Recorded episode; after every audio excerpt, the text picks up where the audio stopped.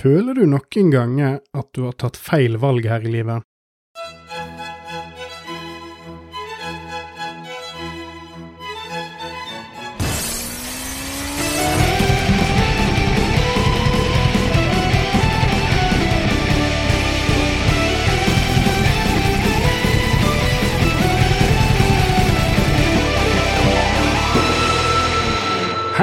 Heter vekselvis Per Ståle, og velkommen til Tordentallet, en dannelsesreise gjennom kunst, kultur og heavy metal.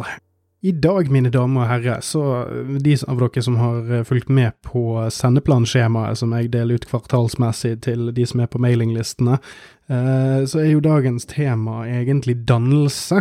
Eh, men det er jo mange av dere der ute som kanskje vil tenke at temaet er vel så mye en misdannelsesepisode if you ever saw one. Jeg er jo svar skyldig der, på mange vis, eh, fordi i dag skal dannelsesepisoden få en litt annen vri. Platen er den infamøse, legendariske, forhatte, forpestede, utskjelte, utraderte, utslettete, destruerte, diarébefengte platen Lulu av Lou Reed og Metallica fra 2011.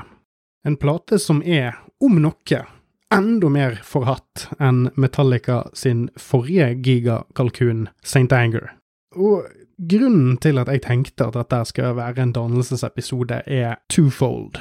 Altså, dette er jo i subserien Forhatte plate, eh, og av de av dere som husker St. Anger-episoden min, så jeg vil jo ikke si at jeg verken elsker eller setter den platen nevneverdig høyt, men jeg fant i hvert fall en del å si om tiden den kom ut i, plassen den har i Metallica sin historie, litt ting jeg har på hjertet om musikk som ikke nødvendigvis per definisjon er bra. Og det er jo noe av den røde tråden på enkelte av episodene i det jeg kjører i dette showet, er jo det der med at om ikke noe er direkte objektivt bra, så kan det fremdeles være interessant å snakke om. Og så var en annen tanke jeg hadde, at jeg kan ingenting om Lou Reed.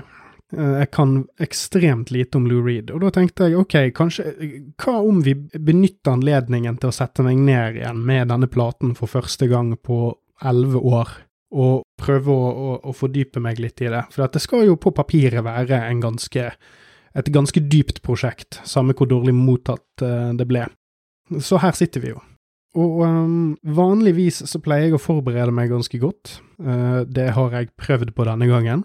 Men av en del ting så har dette slått ut annerledes enn det det pleier å gjøre i disse dannelsesepisodene. Fellestrekket med de forrige episodene er at jeg kan veldig lite om dette albumet. Uh, og da tenker jeg vi får bare gå i gang og snakke litt om bakgrunnen her. Fordi saken er at når denne kom ut Altså, jeg, jeg kan jo gjenta for de av dere som er nye eller demente, Eh, at ehm, jeg er en eh, rehabilitert Metallica-fantast, og med det så mener jeg at jeg er jævlig glad i Metallica. Og jeg var òg veldig lenge en av de som virkelig forsvarte de i alle settinger, og det tror jeg jeg på mange måter fremdeles er, relativt sett til andre metalheads og den veldig standardiserte eh, fremgangsmåten eh, de har som gruppe på hvordan man skal behandle Metallica. Sant? Ah, de fire første platene er dritbra. Eh, alt etter det er drit, eh, eller eventuelt den enda mer hardere. Eh, alt frem til Ride the Lightning var bra, helt frem til de spilte Fade to Black. Alt etter det er drit. Eller eventuelt de som mener at Metallica peaket med No Life to Leather-demoen uh, før de ga ut sin første studioplate. Eller de som mener at de var best før Lars Ulrik fant James Hetfield. Altså, det, det, det, er umulig å, det er umulig å beskrive hvor mye No True Scotsman Metallica, altså metal-band, er når det kommer til å liksom skulle definere hva som var bra med karrieren deres. Men i den forstand så er jeg en av de som forsvarer det ganske langt. Jeg liker Death Magnetic ganske godt. Jeg har uh, jeg mener i hvert fall at St. Anger er en interessant plate. Uh, jeg kan forsvare store deler av Load og Reload-æraen. Uh, Hardwired, den aller siste, den er litt sånn mer for meg. det er interessante ting der, men der døde det litt. Og så er liksom min, min status nå at um, jeg er litt mett på Metallica, uh, men samtidig så utgjør de en ganske sånn ja, grunnleggende del av uh, min musikkutdannelse, om du kan kalle det det, når jeg har gått livets harde musikkskole. Så, så de, de, er alltid til stede et eller annet sted uh, når jeg graver i andre ting. De er en, en evigvarende referanseramme. De er størst, sant. Altså, det er de er umulige å unnslippe på mange vis, men jeg, jeg, har på en måte mistet en del av den entusiasmen jeg hadde for kanskje ti år siden, for eksempel. Kanskje var Lulu starten på slutten for min entusiasme for Metallica, fordi jeg, jeg husker at når denne kom ut i 2011, så hørte jeg halve platen, eh, og så orket jeg ikke mer. Og, og, så vidt jeg husker, så var det sånn at det var online. Eh, det kan hende jeg husker feil, men jeg lurer på om de faktisk hadde liksom en, en sånn gammeldags streamingside som var offisiell, der du kunne høre alle låtene. Eh, eller så var jeg inne på en eller annen uh, ulovlig streamingside og hørte det. For jeg har for vane å kjøpe musikk til, av, av, band jeg liker og sånn, så det, det at jeg ikke kjøpte denne, og det er den eneste studioplaten Metallica har gitt ut som jeg ikke eier, det sier litt om hvor meh den var. Og en av, jeg, en av, de forskjellige grunnene til at jeg ender opp med å lage en episode om den likevel, er det at jeg, når jeg kom på det eh, for en tid tilbake, så slo det meg at jeg har ikke tenkt på denne platen på ti år. Jeg, altså, den, den, har blitt nesten slettet fra hukommelsen min. Det var, det var nesten som en sånn en massepsykose som folk på internett gikk igjennom en gang i 2011, og så, og så bare forsvant det. Og så, og så, har det jo vært noen sånne, noen sånne eh, gjenklang av, eh, av sånne Lulu-memes og referanser på ulike eh, nettsteder. Men det har òg forsvunnet litt ettersom jeg ikke leser så mange nyhetssaker om Metallica lenger for, på f.eks. Blabbermouth, og ikke leser kommentarfeltene. Så har liksom denne ideen om Lulu som noe som skjedde, har bare forsvunnet fra hjernen min. Og Sånn, sånn, for Jeg kan jo gjenta det òg litt for de av dere som er nye eller demente eller er sånn åtte år gamle, og hvis dere er det, skru av nå og gå og legg dere. Dette programmet er faktisk klassifisert som barnemishandling i 38 land, så Men da denne kom ut, så var det en sånn pussig stemning rundt det. Og det jeg husker, er det at altså, som sagt, jeg har ikke noe forhold til Lou Reed, men og det er en stor blemme på min musikkutdannelse, selvfølgelig, eh, eller musikkunnskap. Det er liksom Det har bare ikke vært noe som har vært i kortene. Jeg har ikke liksom vært i den delen av eh, musikkfasen min på de riktige tidspunktene i oppveksten. Eh, men det var veldig tydelig på en, en, sånn, en buss rundt dette at hei, dette kan jo bli spennende. Og så var det jo de sedvanlige tvilerne som fikk rett, på mange måter. Uh, men, men, at det var, det var en viss buzz, og så var det bare en sånn enorm backlash med en gang noen hørte et fnugg av det. Og i, i mye større grad Altså, det, det eneste som gjør at, at St. Anger blir husket som en misstep mer enn enn Lulu, er jo at. Anger faktisk solgte jævlig bra med plate, uh, og, og, at den, det var en verdensturné basert på han. Det kom ut en film i 2004 som var basert på innspillingen. Altså, det, var, det var mange ting som skjedde rundt prosjektet som gjorde at det på en måte ble sementert som en sånn ja, dette skjedde. det er nesten som en sånn her Cuba-krisetilfelle i rockehistorien et referansepunkt som alle peker tilbake igjen på. Hei, ser du den fucka tingen her? Det Fytti faen, altså. Det, herregud, hva var det for noe? Men, mens Lulu hadde et såpass begrenset nedslagsfelt at, uh, at det er litt krise, faktisk. Eller det hadde vært krise, hvis noen hadde husket det. Det er sånn, Jeg har Spotify foran meg her. Åpningssporet har en halv million avspillinger, uh, mens hvis jeg finner fram St. Anger, for eksempel, så har Frantic 19 millioner avspillinger, og St. Anger-låten har 59 millioner avspillinger. Sjøl den, den, lavest avspilte låten på uh, eh, St. Anger er, tror jeg er um, All Within My Hands, kanskje, som et grovt overblikk. og det, Den har fremdeles den nesten 4,4 millioner avspillinger, som da er over Eller nesten 4 millioner flere avspillinger enn den, den mest lyttede låten på Lulu. Så det setter jo, setter jo ting litt i perspektiv. En annen ting som er veldig fascinerende med platen, er det at eh, det er en enorm motvilje mot den i mainstreamen når den dukker opp. Altså som i at uh, når du hører folk snakke om den, eller når du ser den dukker opp, så er det bare sånn 'å, fytti faen, det var jævlig'. Men ellers er ikke det liksom eh, vedlikeholdt som en grusom ting. Kanskje det har noe med statusen til Lou Reed å gjøre, jeg vet ikke. Men, men, igjen så er det jo artig. Jeg, jeg bryter Wikipedia-regelen min litt her. Vanligvis på dannelsesepisoder så leser jeg ingenting på internett for å eh, gi mer kontekst, for at poenget er mitt inntrykk, hva jeg tenker rundt det, uten støy fra andre informasjonskanaler. Men jeg måtte jukse litt her bare for å på en måte tvinge ut litt mer content. Men når man ser på sånn Metacritic og, og, og sånn, så, altså, mottagelsen er, altså fra de profesjonelle anmelderne, varierer. Altså man har Spin Magazine som gir han seks av ti, Rolling Stone gir han tre av fem, NMI gir han sju av ti, og Allmusic uh, rater han uh, tre av fem. Uh, og Metacritic er 45 av 100.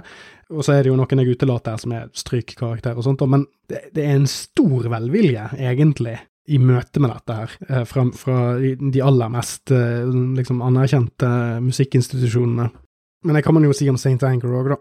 Men, men, det er, igjen for å vende tilbake til liksom konturene av det vi snakker om her, så er det jo fascinerende hvor på den ene siden forsvunnet fra allmennheten den er, eh, med tanke på potensen i miksen her, som da er en legendarisk, innflytelsesrik eh, alternativ rock-musiker, kombinert med det største metal-bandet noensinne, som, som, lager noe sammen. Og sjøl et mislykket prosjekt, basert på de to størrelsene der, skulle jo tilsi en mer legendarisk status enn det dette albumet har fått. Og da mener jeg legendarisk i ordets negative forstand. Og, og, igjen, det kan hende at jeg bare er på feil del av internett, eller at jeg har fått et eller riktige del av internett. Jeg har fått et bedre grep om hvordan jeg kaster vekk tiden min. Men igjen, eh, et, et interessant bakteppe. Så som jeg sa i sted, så kan jeg ingenting om Lou Reed, jeg kan ingenting om Velvet Underground, og selvfølgelig skal jeg da bruke Lulu som et forsøk på å skjønne hva han driver med.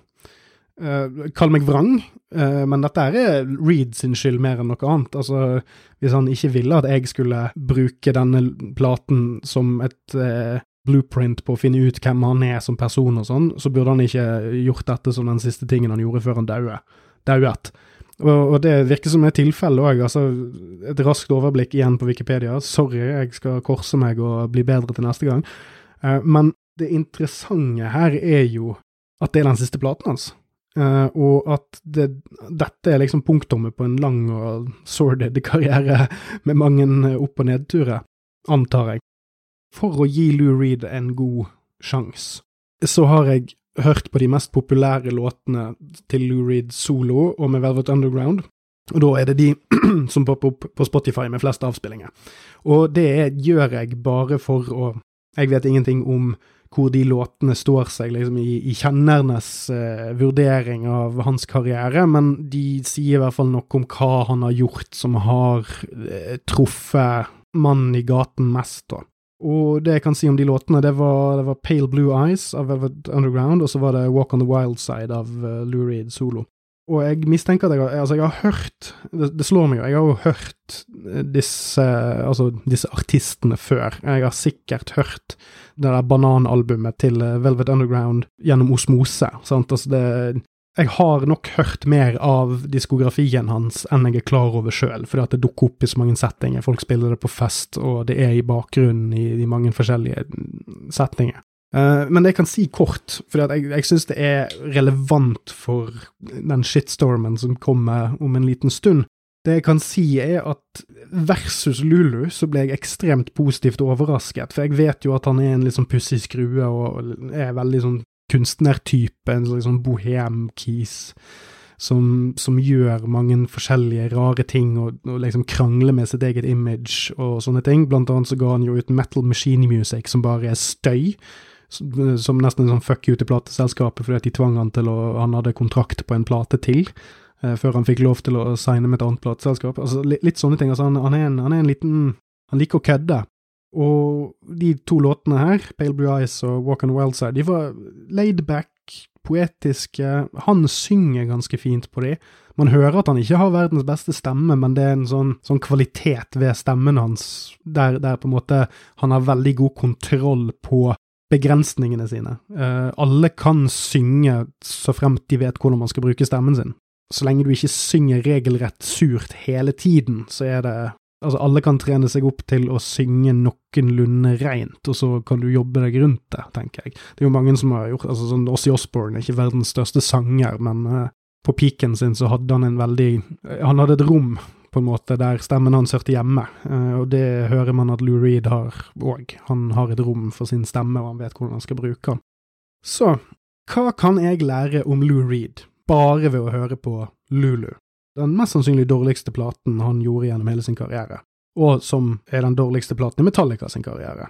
Så la meg nå bruke min lille Metallica backstory til å filtrere Lou Reed gjennom, som åpenbart dette prosjektet her inviterer til. Og da, da, kommer vi til låtene, og det Jeg leker jo litt med hvor nøye jeg går gjennom ting i dette showet her. Noen ganger så går jeg gjennom albumet låt for låt i kronologisk rekkefølge, noen ganger så prøver jeg å sortere låtene inn i uh, The Good, The Bad and The Ugly, og noen ganger så bare skummer jeg. Men det sliter jeg litt med nå. Uh, så i denne episoden her så skal vi faktisk snakke forbausende lite om de konkrete låtene. Fordi hvis jeg skal beskrive denne lytteopplevelsen her, kortfattet, og da bruke det til å forklare hvorfor jeg ikke kommer til å gå så i dybden, så, så er lytteopplevelsen noe à la Hvis du går på en, en sånn beatpoesiaften, og så kommer det en full Anders Jæver-looking type opp på scenen, han har drukket fem øl for mye, og så skal han lese opp noen dikt han har oversatt fra prøyssisk-tysk, mens bestekompisen hans spiller ymse rockeriff som han kommer på i farten i bakgrunnen, og noen stikker glass i øret ditt. Hvis, hvis, du forestiller deg det, så er du i nærheten av å forestille deg hvor kjipt det er å høre på Lulu. Det finnes positive ting her, altså, det er ikke det, men det er Tilnærmingen er at altså, den, den sangstemmen jeg hørte på de låtene av Lou Reed som jeg, snakket om i sted, den er ikke på denne platen i det hele tatt. Her høres det ut som han gjør eller, et eller annet slags forsøk på å høres ut som Bob Dylan dersom ah, Bob Dylan var enda mer tonedøv enn det han er, samtidig som han prøver nesten å krangle med konseptet harmoni og, og rytme, som jeg kan forstå ut ifra en eller annen slags jeg kan forstå at noen syns at det er en interessant ting å gjøre. Altså sånn atonal samtidsmusikk er jo et konsept, altså eh, det finnes musikere som mener at all musikk i standardform, sånn som vi kjenner det gjennom populærkulturen, altså det er et tegn på på en måte kulturens mettethet. Altså vi, vi har på en måte ut, testet ut alle avenyer for ja, la oss si riffbasert rock, eller laidback rock, bluesrock, indie-rock, altså, og, og, pop og, og, og jazz. Altså, jazz er jo et, et, forsøk på å fri seg fra, fra normene og reglene. Uh, og, at det finnes en bevegelse i musikken som, som handler om å, å liksom, gjøre det motsatte av det som henger på greip, for å da i hvert fall vekke en reaksjon. Uh, og at det er bedre å vekke en reaksjon enn det er Altså, det, er bedre å vekke en negativ reaksjon eller en reaksjon som er fascinert i retning det du driver med, enn å bare få et nikkende anerkjennelse av ja, det var et kompetent rockeriff og en kompetent rockelåt, som vi har hørt en million ganger før. Det kan jeg skjønne, men hvis du skal gjøre det, så burde du ikke slå deg sammen med Metallica for å fullbyrde den visjonen. Det slår meg som kontraproduktivt all den tid Metallica er utforskende og alt det der, men de har de, er plantet i en kontemporær popkulturell setting som de ikke kan fri seg fra. Det kan hende at det var de sin motivasjon òg, at de hadde lyst til å frigjøre seg. Altså, de blir lagt i jern med disse kjettingene til liksom, forventningene fra publikum, fra fans, fra de er, de er størst i verden, de har beseiret verden flere ganger. Det å utfordre seg sjøl kan jeg respektere, sånn sett men jeg vet virkelig ikke om de hadde det i seg, eller har det i seg, eller har evnen til å gjøre det på en riktig måte. Det som er saken her, er at jeg skriver litt før jeg begynner. Sant? Altså, jeg tar litt notater og lager et sånn loose frame-manus som jeg jobber etter. Sant? Jeg snakker litt off the cuff, men jeg har litt ting på papir her og vanligvis. Og jeg klarte ikke å høre denne platen her på den måten det krever av meg for å klare å, å få ned noe konstruktivt, eller noe med mening, når jeg hørte på dette her. Og når jeg er ferdig med å snakke om låtene, så skal jeg prøve å sette ord på hvorfor. Jeg vet ikke om jeg kommer til å klare det. Men sant, altså det er ti låter på dette albumet. På to CD, altså det er en to-CD-pakke. CD1 var i 40 minutter, CD2 var i 47 minutter, og til sammen er det da 1 time og 27 minutter. Det er den lengste Metallica-skiven noensinne. Og en av låtene varer i nesten 20 minutter. Og det er eksepsjonelt slitsomt å høre på. Og så er det òg det at det er et veldig sånn psykoseksuelt verk. Altså, teksten er Jeg har igjen ikke orket å sette meg ned med teksten, fordi at det er veldig lite Når det å sitte og høre på det er slitsomt, så orker jeg ikke tanken på å utsette en annen del av hjernen min på å prøve å få det til å henge på greip. Og kanskje det betyr at jeg ikke har ytt dette her den rettferdigheten det fortjener, men jeg vet ikke om det fortjener det. Altså, jeg har ikke, det, det er ingenting med denne platen som får meg til å få lyst til å gi han flere sjanser enn det jeg mener jeg Altså, sjansen jeg har gitt platen, er nok minst tre, fire, fem flere sjanser enn en den fortjener. Og første låt, Brandenburg Gate, for eksempel. Altså, jeg har bare noen få notater på disse låtene, fordi de er så jævla fuckings irriterende å høre på. Uh, det, første låt er Brandenburg Gate. Den starter med I would cut my legs and tits off when I think of Boris Karloff and Kinski. Og Det er jo referanse til han som spilte Frankenstein, og så har du Klaus Kinski som spilte Nosferatu i remaken til um, Werner Herzog fra 70-tallet. Han samarbeidet mye med Werner Herzog som er en veldig interessant fyr. Uh, vi skal ikke snakke mer om han nå. Jeg har veldig lyst til å snakke om Werner Herzog istedenfor Lulu, men det får være en eh, det får være et dypdykk ned i mentale problemer til en annen dag. Eh, men som jeg nevnte, det er noe psykoseksuelle greier her.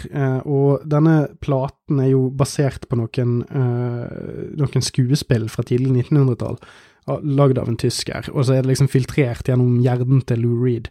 Og det er jo noe det, det, går igjen, det er noe med et kvinneperspektiv som går igjen, og, og noe forhold til sin egen kropp. Og uh, hvis man ser på coveret, så er det jo et bilde av en utstillingsdukke som mangler arm og bein, og så er det skrevet Lulu med blod, ser det ut som. sant? Og det, det knyttes jo inn til I would cut my legs and tits off, sant? som starter hele greien. Altså det er noe med, med mangelen på kroppslig autonomi, eller noe sånn drit som det der. Eh, som sagt. Men, men eneste grunn til at jeg nevner det, fordi det er en sånn rød tråd som går igjennom her. Og jeg, vil, jeg har lyst til å nevne det litt seinere, uh, som et eksempel på hvorfor dette ikke funker for Fem flate øre. Og det er også, jeg, jeg, sliter med å skille låtene fra hverandre. Uh, jeg har notert at det er noe god bakgrunnsmusikk i låt nummer fire, Mistress Dread. Uh, og så er det noe god riffing på Frustration, noen fine akustiske grep på Little Dog. Så har jeg skrevet om låt nummer ni, Dragon. Det eneste jeg har skrevet der, er hva faen er dette her for noe drit? Og så avsluttet jeg notatene mine med noe jeg skrev i capslock. Det er da låt nummer ti, Junior Dad.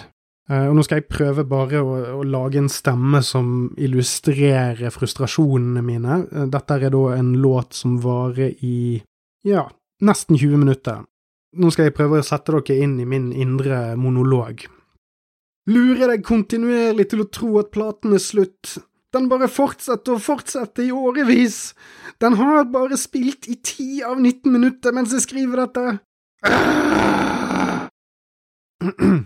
Jeg, jeg er ganske sikker på at jeg har hørt Junior Dad i tolv år. Og jeg kan jo si det at sant, jeg, jeg, hørte halv, jeg, hørte halve platen i 2011. Og i forkant av denne episoden her, så har jeg hørt Lulu tre ganger fra start til slutt som jeg tror er fire ganger mer enn noen andre har hørt. Og for å komme over til en, en litt mer sammenhengende del av dette her, så er det det som slår meg, og det som er mest merkbart, er at dette er en fusjon som ikke funker i det hele tatt, på noen som helst måte.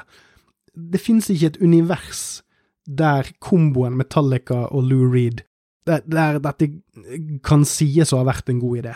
Og, og, som sagt, jeg, vanligvis så prøver jeg å være noenlunde positiv på dette showet her, med, med noen få unntak, selvfølgelig. Og jeg, jeg, prøver å finne det interessante eller fascinerende, selv med de rareste ting, men det, jeg, jeg, fysisk klarer ikke å få det til med denne platen.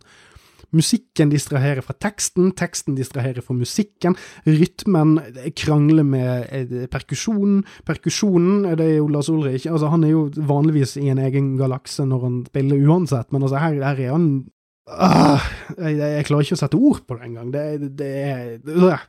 Altså, og som jeg har vært inne på noen ganger, jeg prøver òg vanligvis å dykke ned i materialet og granske det for å finne mening i materien, men jeg har altså ikke klart det i like stor grad denne gangen, fordi at materialet i seg sjøl avstøter meg, regelrett.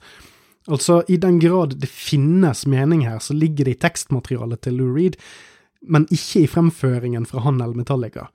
Det virker som om det er minimum to, om ikke tre eller fire forskjellige forståelser av hva dette skal være noe, og de driver og krangler med hverandre hele jævla tiden. Og så For å gå tilbake til det der jeg sa med psykoseksuelle ting. altså Metallica har alltid vært et band som ikke er redde for å være seriøse. Selv om de eh, på konsertene sine live og i intervjuer og sånn, før i tiden i hvert fall, eh, nå har de jo begynt å bli litt sånn, sånn onkelaktige og litt sånn innøvd, men hvis du ser tilbake igjen liksom da Metallica var på sitt aller største, altså gjennom hele 90-tallet f.eks., så, så var de eh, forbausende opptatt av musikken de lagde, samtidig som de var veldig eh, liksom seg sjøl. Og så har jo eh, James Hetfield gått gjennom en rehab-greie, og det så viser det seg at kanskje veldig mye av det vi så fra han offentlig, ikke kanskje var han, kanskje det var en rolle han på en måte måtte putte seg i for å klare seg sosialt, alt mulig sånt. Men altså, poenget mitt er at Metallica som gruppe, som uttrykk generelt, har virket ganske lenge som ganske genuine, og ikke vært redd for å på en måte ja, synge om litt sånn HB Lovecraft-greie, krig og fred og konflikt og sånn, og har en søt ballade med Nothing Else Matters, noen litt jævligere ting, sant, altså ikke de har aldri vært redd for å, å, å, å, synge om seriøse ting, selv om de bare i hermetegn er et rockeband.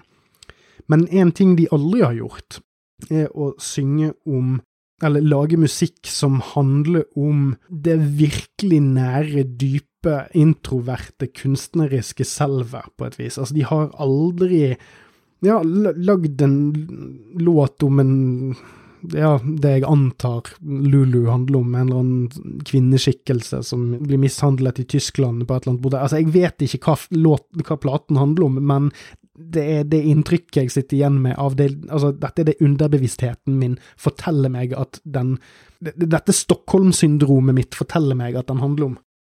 Uansett, så virker det her, i denne settingen, altså med det sagt, sant, altså at, at Metallica ikke vanligvis lager musikk på det viset. Men her virker det som om de vil lage noe som de ikke under noen omstendigheter har evne, kunnskap eller intelligens til å lage. Jeg tror faktisk ikke at Metallica vet hva det er med dette prosjektet her som gjør at de og Lou Reed må lage det. Jeg tror de har hatt lyst til å lage en plate med Lou Reed, og that's it. Og så har de håpt at han skal gi en eller annen sånn her magic sauce, altså runke et eller annet ut oppi gryten som gjør at dette her blir liksom, den beste Big Mac-en ever, og det skjedde bare ikke. Og, og, og, det er en side med Metallica man aldri ser noen andre steder. Du kan si hva du vil om samtlige av platene deres, men det har alltid virket som et Metallica-uttrykk. De har alltid liksom, nektet å bli puttet i bås, de har alltid liksom, gjort Om ikke det stikk motsatte, så har de alltid prøvd å utvikle seg eller gjøre noe annerledes enn det som folk forventer de skal gjøre. Mens her virker det som om de prøver å lage noe de tror at noen vil gi de respekt for å ha lagd. Og den beste sammenligningen, og jeg vet at uh, de av dere som uh, er mentalt skadd nok til å høre på dette fast, vet hva som kommer, uh, og jeg drar disse gamle sminkeklovnene inn når det passer meg best, faktisk. Det er mitt show. Fuck off. Men den beste sammenligningen jeg kan komme på, er Kiss sin Music from the Elder. Eh, det er en plate som de ga ut tidlig på 80-tallet, som er en, eh, en rockeopera-konseptalbum der de prøver å frigjøre seg fra den popmusikk-kukråken de lagde årene før, for å tvinge kritikerne til å gi dem respekt, og så gikk ikke det så bra. Og det var en plate som ble lagd basert på hva de trodde at andre folk kom til å respektere dem for ikke hva som er naturlig for de sine egenskaper og range som musikere. Eh, og her kan jeg òg for så vidt legge til at The Elder er en million ganger bedre enn Lulu, det kommer en episode en gang i fremtiden. Uh, jeg har en del å si. Uh, og som en fun fact så bidro faktisk Lou Reed på to sanger på Music from the Elder. Uh, men det er en saga for en annen gang. Et ord som er veldig pretensiøst å si, er at dette er pretensiøst. Og det er, det er noe ekstra pretensiøst når, når, en gruppe med musikere som ikke, man skulle trodd ikke hadde noe mer å bevise, sitter og blir liksom akkompagnementbandet til en gammel røver. Altså, det, det er noe sånn skoleguttete med dette her. Det, det, det er noe med å, å, høre folk som jeg har ganske mye respekt for, sitte og, og, og, og ikke skjønne en dritt av hva de driver med. De skjønner ikke hvor jævla dritt dette her høres ut. Metallica, altså. Det kan være at det er det som er med å bidra på hvorfor det gjør så jævla vondt å høre på, fysisk nesten. Denne følelsen av at noen det, det, er liksom det, Når jeg hører på Lulu, så er det, det er som å se for meg bestevennen min drite i buksen på 34-bussen. Det er sånn, jeg vil ikke at dette skal skje, men nå skjer det. Eh, jeg kan ikke gjøre noe for å stoppe det, jeg må bare la naturen gå sin gang. Og så håper jeg at vi alle kan glemme det så fort som overhodet mulig. For kompisen min sin del, og for alle andre på bussen òg sin del.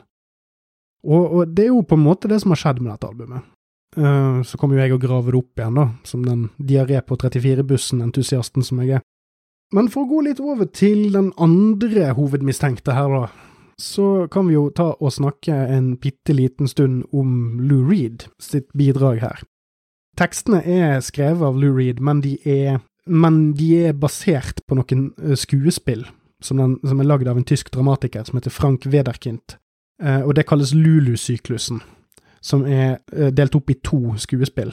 Erdgeist, som kom ut i 1895, og så De Bykse der Pandora, som er Pandoras eske, 19, som kom ut i 1904. Og, og dette, selv om vi nå ikke har liksom tatt et dypdykk ned i tekstuniverset her, så aner vi jo konturene av noe som er ganske highbrow. Altså, for alt jeg vet, så er jo dette her Altså, han Frank eh, Wedekind kan jo fort være tysk teater sitt svar på Tore Ryen, sant? Altså, det er ikke jeg, jeg, blir liksom sittende her og gi veldig mye sånn salong-cred til Lou Reed for å dra dette fram, selv om jeg egentlig ikke liksom har noe grep om hvor viktig dette, disse stykkene her er, eller hva de sier, eller whatever. Men det er jo et valg som Lou Reed har tatt. Altså dette med å, å, å, å altså basere tekstene på skuespill, tyske skuespill fra seint 1800-, tidlig 1900-tall. Altså det det, det, er ikke et grep du gjør sånn ut av det blå. Sant? Altså det, det, er noe du har en eller annen slags mening med. Og, og, så kan man jo da sitte og tenke hva i helvete er det dette her har med Metallica å gjøre? Og for å gå tilbake igjen til Wikipedia, der er det jo alltid en seksjon om sånn respons på og tilbakemeldinger fra kritikere og publikum og sånn. Og da ble de jo konfrontert med at dette her ikke helt ble falt i god jord, og da sier jo Metallica de sedvanlige greiene om å liksom ikke ja, vi gjør som vi vil og bla, bla, bla. Eh, men så er det, det, det var ett sitat jeg har lyst til å trekke fram her, og det er eh, et svar fra Lou Reed, og da er det Reed stated that the album is for literate people. Hvis det var tilfellet, så burde han ikke ha lagd dette her med Metallica. Altså, James Hetfield kan jo, kan jo knapt knyte skolissene sine. Altså, det er, ikke, det, det er ikke de store tenkerne han har jobbet med her. Og all ære til Metallica, det er ikke det. Altså, det sånn, jeg, jeg, mener ikke at folk er nødt til å ha tatt uh, universitetsutdannelse for å være gode kunstnere, og jeg mener at James Hetfield har evne som tekstforfatter som, er, som peker i retning av at han har en dypere sjel enn enn man kanskje skulle trodd, men de er ikke gjengen til å løfte dette her opp på noe som helst plan. Og, og da blir min eneste konklusjon om Lou Reed sin motivasjon bak dette, her, er at dette, dette er musikalsk shitposting. Jeg er ikke overbevist om at Lou Reed ikke gjorde dette på pur faen. At, at han regelrett kødder det er den eneste logiske forklaringen jeg kan komme Altså, som, som hjernen min er villig til å akseptere. Sånn, Altså, Shitposting er jo når du går på internett og skriver noe helt hinsides idiotisk på Twitter eller på Facebook eller på et eller annet messageboard eller Reddit eller noe sånt, bare for å irritere eller skape en reaksjon. Metal Machine Music sånne ting. Det er jo in character, for så vidt, basert på det bitte lille jeg vet om han. Det er bedre å få en, en, en, negativ respons enn ingen respons i det hele tatt. Og det er det jeg har å si om det. Og så, for å gå litt inn på uh, Metallicas rolle her igjen. Uh, altså, hadde du kuttet ned fettet, la oss si med 45 minutter, eller 50 minutter, eller en time, så kunne du hatt en rimelig kul instrumentalplate her, eller i hvert fall grunnlaget for en rimelig ålreit Metallica-plate. Og da mener jeg spesifikt at det er ganske mye bra uforløst Metallica-energi her som jeg skulle hatt mer av, eksempel på Hardwired to Self-Destruct, som jeg uh, syns var altfor seig og studiofresh og sånn. Og, og, og, misforstå meg rett, det er ikke dette jeg syns at dette her er bra, men det er noe med at uh, det er noen seksjoner her der du kan høre at bandet groover sammen, uh, når Lou Reed holder kjeft, og, og, og det ikke liksom er satt til en eller annen idiotisk ralling om å sperme på minnene av sin far. Uh, og derifra så kan jeg trekke noen tanker om at altså platen er spilt inn over tre måneder, sånn april, juni, april til juni 2011. I stedet for over fem år, som er den vanlige post St. Anchor-metoden for Metallica. Og den Jam Live, den jamme-energien, kunne blitt brukt til noe mye bedre enn dette her. K kanskje disse her småtingene jeg henger meg opp i, ikke hadde funnes om det ikke var for at Metallica måtte jobbe med en mann de så opp til. Så jeg kan ikke si det for sikkert. Men jeg, jeg, jeg tror bare at, at, tanken min er at jeg, jeg, hadde mye heller sett at Metallica satte seg inn i studio og ga seg tre måneder for å lage noe som var de sitt eget. Fordi jeg, tror det er noe som mangler i de sin kurve fra de siste 20 årene. Og, og så er det òg det, jeg skjønner oppriktig talt ikke hva Metallica så for seg at de hadde å bidra til dette prosjektet. Jeg har forståelse for ønsket om å jobbe med en av heltene sine og, og Gud velsigne dem for det, men verdien av det de produserte, er under par for begge involverte. Og, og under par, altså det, det, er jo det er under enhver en kritikk. Og så kan jeg jo si, altså dette showet her, Tordentallet, det, det, er jo delvis et forsøk fra min side på å sette meg inn i ting jeg ikke kan noe om, altså for å lære. Og dette er jo noe av grunnen til oppholdet i og mellom sesongene. Noen av disse episodene tar lang tid å lage, hadde målet mitt vært å utelukkende jazze om plater jeg har i hyllen min, og filme jeg så i går, så hadde jeg sluppet en episode i uken, liksom. Og jeg har ikke klart å, å sette meg inn i dette her på den måten jeg egentlig ville. Eh, og jeg har bare meg sjøl å takke, for så vidt. Altså, jeg tenkte på mitt sedvanlige vrange vis at man kan sette seg ned og snakke om hva som helst, og det har jeg jo kanskje i denne episoden her. Uh, men jeg har ikke klart å vrenge ut noe konkret budskap, fordi hele prosjektet her er nærmest menneskefiendtlig. Det er så kjedelig og kjipt å høre på, og det er generelt slitsomt. Og jeg mistet all motivasjon til å gå i dybden på tekstmaterialet. For hva faen hjelper det om tekstene er gode, kanskje, dersom de like gjerne kunne blitt fremført av en stammeleder i Amazonas med et hypotetisk forhold til det engelske språk, ikke sant? Altså, det er Alt slår hverandre i hjel her.